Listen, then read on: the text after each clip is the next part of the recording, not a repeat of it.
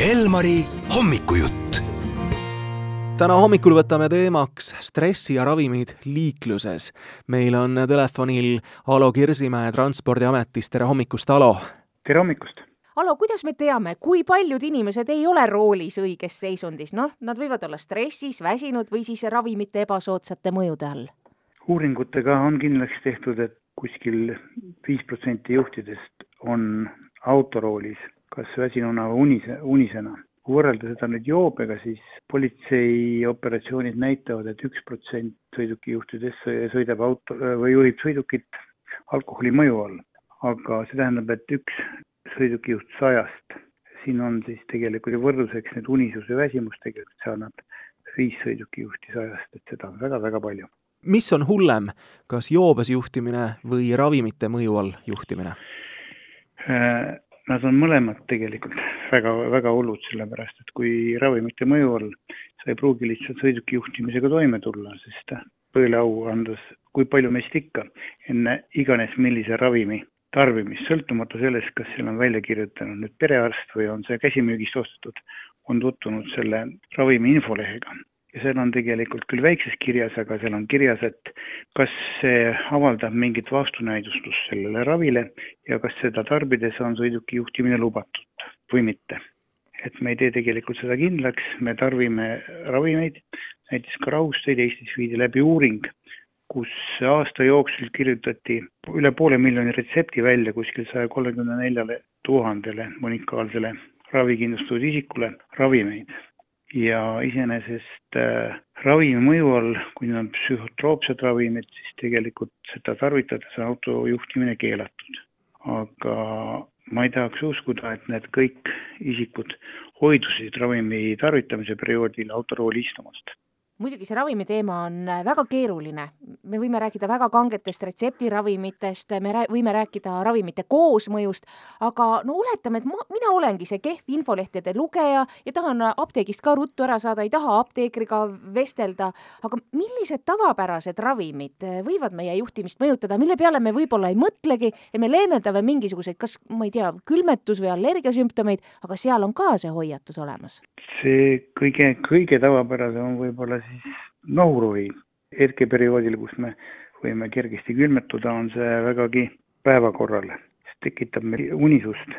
teised me võib-olla äh, ATH, et aktiivsustähelepanu häire, selle puhul tarvitatavad ravimid või ka lihtsalt tabletid tegelikult, Xanax näiteks seda tarvitakse päris palju, aga tegelikult see tekitab meil olukorra, kus me tegelikult sõiduki juhtimisega normaalselt toime ei tule unisus tekitab ka ikkagi number üks väsimus. Ja mina olen sellega palju kokku puutunud, eriti öiseid üritusi kuskil, kui käin juhtimas. ja ma olen proovinud ka igasugu nippe, et kuidas selle väsimuse vastu võidelda, aitas ükskord see, kui tulin ja, ja nagu autokoolis õpetati, et kas või kümme minutit maga ja, ja siis sõida edasi ja suutsin. Olin värskem. aga alati see ei toimi, olen proovinud kõvasti muusikat kuulata, olen proovinud korraks välja minna, kükke teha, ka kahtlane. üks sõber, Ahto Kruusmann soovitas, et võtta pähkleid, et söö kogu aeg, mul on söögiga see, et siis mul jääb veel rohkem uniseks. mida soovitate, mis tegelikult reaalselt aitab, mida tuleks teha, kui sul on ikkagi kiire, vaja ikkagi jõuda kuhugi, aga on öö või oled lihtsalt väsinud, mida teha? no autorooli tohib istuda ainult välja puhanuna, aga kui juhtub ja seda on väga paljudel juhtunud, et kui tuleb sõita väsinuna, nagu esimesed väsimustunnused ilmnevad, siis tegelikult tuleb ohutuskohas sõiduk peatada ja teha see unepaus.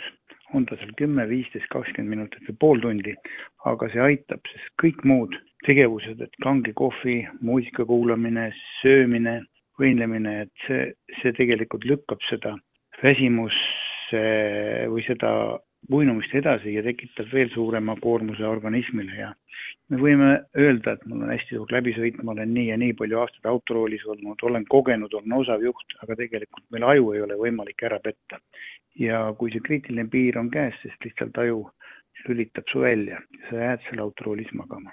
et minu enda soovitus on ja mida ma olen rakendanud, kui uni tuleb, siis tuleb magada kuidas liiklusstressi vähendada, no kui närvil inimene läheb liiklusesse, see, seal on juba kohe oht sisse kirjutatud, aga millal võib näiteks tavaline stress, pinged, ma ei tea, kodus, tööl üle kanduda ka liiklusesse? tegelikult ähm, stressi väljaelamine autoroolis tegelikult see ongi mingi, mingi eelneva tegevuse tagajärg. Ja võimalik, me võtsime selle kaasa töölt või kodust.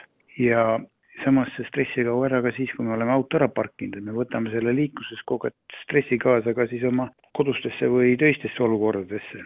et tavaolukorras me saame, ütleme, kenasti hakkama, aga kui meie stressitase on liig kõrge, see pärsib ajutegevust ja siis hakkab aju tegema valesid otsuseid. et tavaline on, et noh, liikluses ei ole väga palju selliseid situatsioone, mis meid tegelikult võiks vigastada. Aga tihtipeale me ärritume teise sõidukijuhi peale, hakkame vehkima, hakkama, hakkame, püüame teda selle autoroolis läbi klaasi õpetada, aga see on tegelikult selline tühi tuule tallamine, sest teine sõidukijuht ei kuule ja, ja pigem ma õigustan ennast näitamaks, et mina olen ju parem juht seda tekib eriti, kui on publikut, kelle eest seda välja elada, aga tihtipeale kostavad sellised äh, vihapursked ka siis, kui sõiduk üksinda roolis on. et kõige lihtsam on mitte ärrituda, teist liiklejast mõistes me vähendame oma stressitaset, peaksime jääma rahulikuks ja edasi sõitma ja peaksime andestama, sellepärast et ükski eksimus tegelikult ei ole tehtud tahtlikult, et kõige, kõige lihtsam võib-olla triviaalsem, mida me tõenäoliselt kõik oleme kogenud, et sõidan peateel ja keegi kõrvalteelt keerab justkui nimme mulle ette.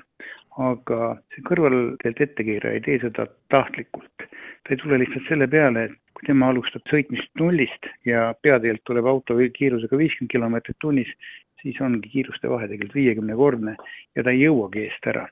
ja tegelikult selline käitumine on tingitud siis selle peateele väljasõitja teadmatusest siis ma annangi signaali ja siis ma õpetan teda, et ta teinekord vaatab võib-olla ja ei keera ette. ei, ta ei tule selle peale, et selle, selleks peaks ikkagi rahulikult maha istuma, mängima need situatsioonid läbi, võib-olla vaatama ka mõne valemi üle, et tegelikult ei suuda muuta tegelikult teise liikleja käitumist.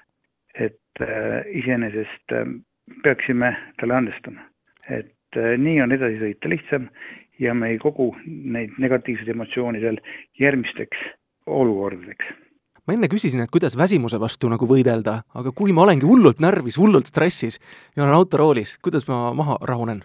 mida siis teha uh,? siis sellise, sellisel juhul on parem rooli mitte istuda, et äh, tuleb lasta aeg mööda, leida tegelikult see põhjus üles, mis mind ärritas ja tegelikult see ei pruugi olla üldse liiklusega seotud. see võis olla mingi probleem töö juures, mis jäi lahendamata, samas võis ka miskit äh, lahti rääkimata teemat olla koduses pereelus, et me peaksime rahunema ja kui me tunneme, et oleme ärritunud, et siis lükkama seda sõitu edasi. selles jutus oli päris mitu kohta, kus juht peab ikkagi endale otsa vaatama ja lugema ka peenikeses kirjas teksti. suur aitäh sellele tähelepanu juhtimast, Alo Kirsimäe! aitäh teile, head päeva!